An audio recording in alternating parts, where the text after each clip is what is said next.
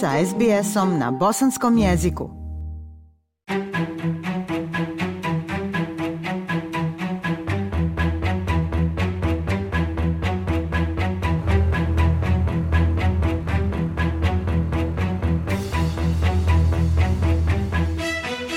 Slušate SBS program na bosanskom.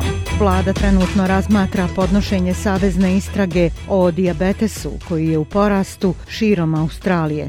Neke grupe stanovništva kao što su trudnice, ljudi iz prvih naroda i ljudi u ruralnim, udaljenim sredinama u Australiji nose teži teret. Prilog Ruth McHugh Dillon. Više od 1,3 miliona Australaca trenutno živi s diabetesom i ova bolest je u porastu. Između 2000. i 2021. godine broj ljudi koji žive s diabetesom skoro se utrostručio. Vlada je u maju pokrenula parlamentarnu istragu o diabetesu kako bi bolje razumjela ovaj rastući problem. Komitet trenutno razmatra više od 400 podnesaka koje su podnijele različite organizacije i pružaoci zdravstvenih usluga kao i pojedinci koji žive s ovim stanjem. Raznolikost grupa predstavljenih u procesu podnošenja zahtjeva odražava širinu i dubinu problema. Također otkriva kako su neke zajednice neproporcionalno pogođene.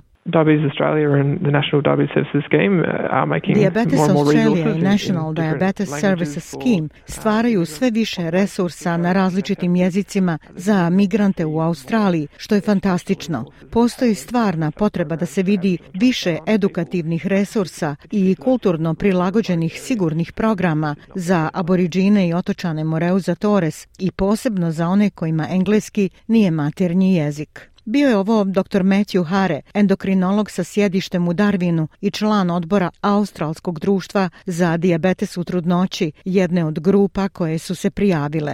Looking after diabetes during pregnancy is really important because it does have Briga o dijabetesu tokom trudnoće zaista je važna jer ima kratkoročne veze s komplikacijama u trudnoći kao što su veće bebe, problemi s porođajem, potreba za carskim rezom i preeklampsija. Ali diabetes tokom trudnoće također ima dugotrajne i kratkoročne implikacije na zdravlje majke i djeteta. Znamo da kada su bebe izložene visokim razinama šećera u krvi tokom trudnoće, imaju povećan rizik od razvoja gojaznosti i diabetesa tokom vlastitog života. Dakle, postojeći diabetes tokom trudnoće ima međugeneracijske posljedice.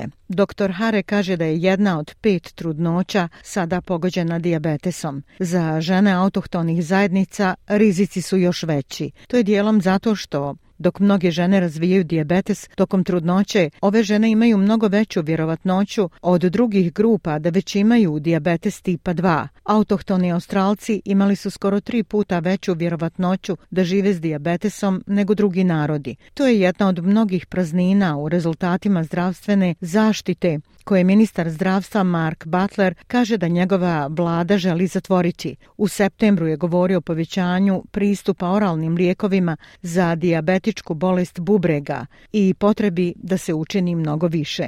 It's clear that in spite of the best of intentions, very substantial investment, that the current approach najboljim namjerama, veoma značajnim ulaganjima, trenutni pristup ne funkcioniše. Potreban nam je novi pristup u radu sa zajednicom, da ih slušamo, po tim, mislim na zajednice prvih naroda, o boljim načinima intervencije, promjene ponašanja i zatvaranje jaza. To je pitanje koje duboko zabrinjava nacionalnu zdravstvenu alijansu na selu koja je također podnijela istragu. Direktorica ove organizacije Suzi Tegen kaže da geografska izolacija može pogoršati probleme s diabetesom ljudi autohtonog porijekla. The funding for Aboriginal and Torres Strait Islander people Finansiranje aboriđina i otočana Moreuza Torres također treba da se poveća. To se mora zajednički uh, planirati na terenu. Potrebno nam je više studenata i pripravnika za njihovu zdravstvenu zaštitu, a to isto važi i za multikulturalne zajednice. Uh, Gospodja Tegen kaže da ljudi često zaboravljaju koliko se ruralnih i udaljenih industrija oslanja na međunarodne radnike. Ljudi iz nekih migrantskih sredina imaju veću vjerovnost vjerovatnoću da razviju diabetes tipa 2. Gospođa Tegen je zabrinuta da stari imigranti, čak i oni koji žive s porodicom, mogu biti izolovani, a da i ne shvate da su razvili ovo stanje. It's not unusual for people not to know. How do you know something when you haven't had it in the past? Nije neobično da ljudi ne znaju. Kako da znate nešto kada to niste imali u prošlosti? ili možda ne razumiju jezik i sistem u Australiji, ne razumiju medicinski i zdravstveni sistem i to je veoma teško. Možda ne govore svoje djeci da imaju problema. Većina ljudi prilično stoički, posebno na selu, podnosi te gobe. Ali ako ljudi dolaze iz druge zemlje i onda se dosele na selo, možda misle, mi smo zaista sretni u Australiji, a ne znaju šta je dostupno. Velike udaljenosti također povećavaju troškove transporta, lijekova i financijski i emocionalni teret za ruralne Australce koji pristupaju specijalističkoj njezi. Dr. Hare kaže da se Australsko društvo za dijabetes u trudnoći također bori u pogledu povećanja pristupa visoko kvalitetnoj njezi.